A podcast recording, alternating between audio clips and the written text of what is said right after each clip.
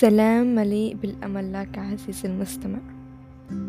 تمسك بأمل صغير لا يستسلم وأطلق النية لتحقيقه لا تعيش الحياة اللي أنت بتستحقها واسأل حالك شوي مين أمل؟ بالبداية بصوت أمل بنهاية الحكاية رح نعرف مين أمل. موضوع حلقتنا لليوم عن الثقافة المالية. من طفولتنا ترسخت كتير جمل وخراريف عن الأموال اللي بين تأثيرها على وضعنا اليوم. أكتر جملة أنا بتذكرها إنه المصاري وسخ الدنيا. بس عزيزي المستمع صدقني إنه المصاري واليوم بالذات بوضعنا الحالي هي مش وسخ الدنيا. بس اليوم اللي ما معه مصاري صدقني بندعس عليه. مش الكل بيطمح إلى الثراء بس الأغلب بيطمح إلى الراحة المالية. والحرية المالية. حتى نصل إحنا للراحة المالية لازم نتعلم كيف ندير أموالنا صح. يعني نتثقف ماليا ونتعلم كيف إحنا نتعامل مع الأموال لحتى نزيدها مش ننقصها ونخليها تشتغل عشاننا مش إحنا نشتغل عشانها. كتير ناس صار معهن مصاري بس الأقلية الأقلية اللي حافظوا عليها وزادوا قيمتها. كل هذا بيرجع للشخص نفسه كيف هو بيتعامل مع المصاري. إذا هو عن جد مثقف ماليا أو لا عنده معرفة أو لا. مثلا ناخد مثال قريب من حياتنا اليوم اللي بيربحوا باليوم نصيب قد ما تكون قيمة الجائزة إلا يوما ما هن يرجعوا لنقطة الصفر. فهي بس مجرد عاصف من الحماس تجتاحهم بعدين يرجعوا لنقطة الصفر.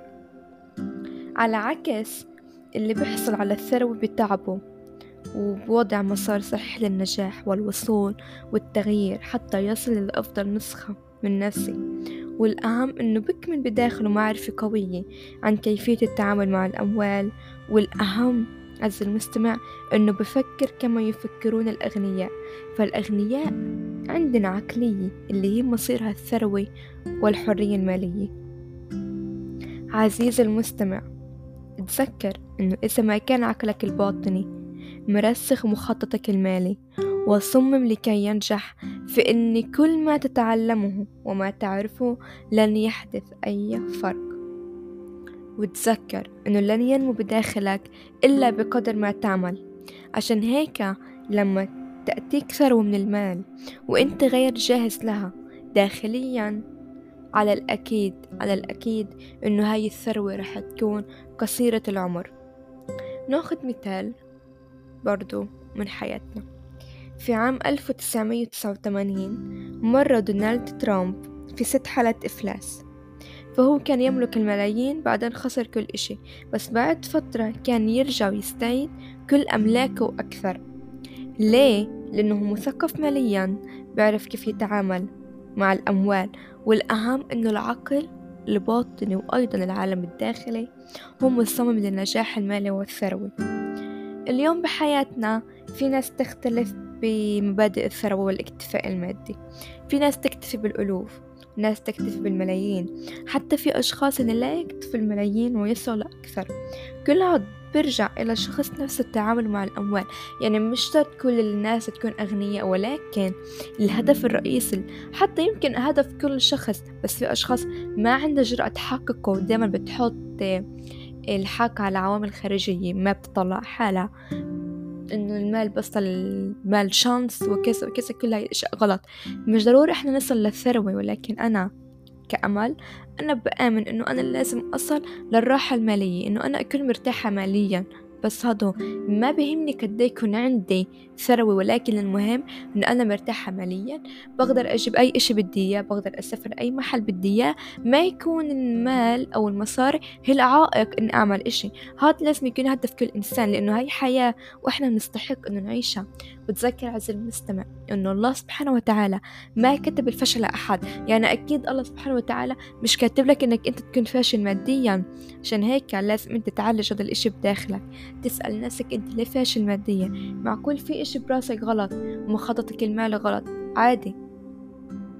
مش ده إحنا بنخلقش كل شيء عنا صح؟ إلا ما يكون إغلاط إحنا نصححها ونتعلم. فعز المستمع تعلم وتثقف ماديا. أعرف عز المستمع أنه إذا ما كان مخططك المالي وضع من أجل النجاح فإنك محكوم عليك بالفشل المادي إلى الأبد. من أقوال المؤلف جورج بيلينغ أن الأشياء التي لا نعرفها ليست ما يعوقنا عن النجاح ولكنها تلك الأشياء الخاطئة التي نعرفها هي اللي بتمثل أكبر العراقيل أمامنا.